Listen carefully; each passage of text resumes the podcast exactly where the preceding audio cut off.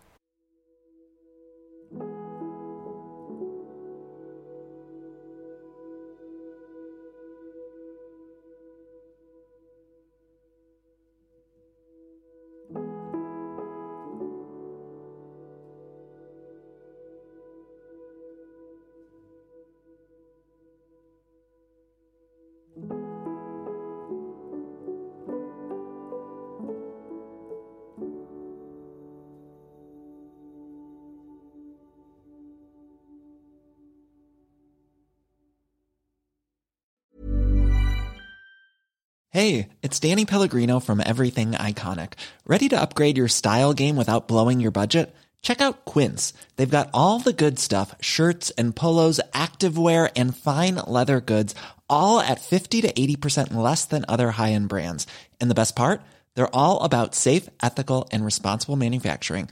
Get that luxury vibe without the luxury price tag. Hit up quince.com slash upgrade for free shipping and 365 day returns on your next order. That's quince.com slash upgrade.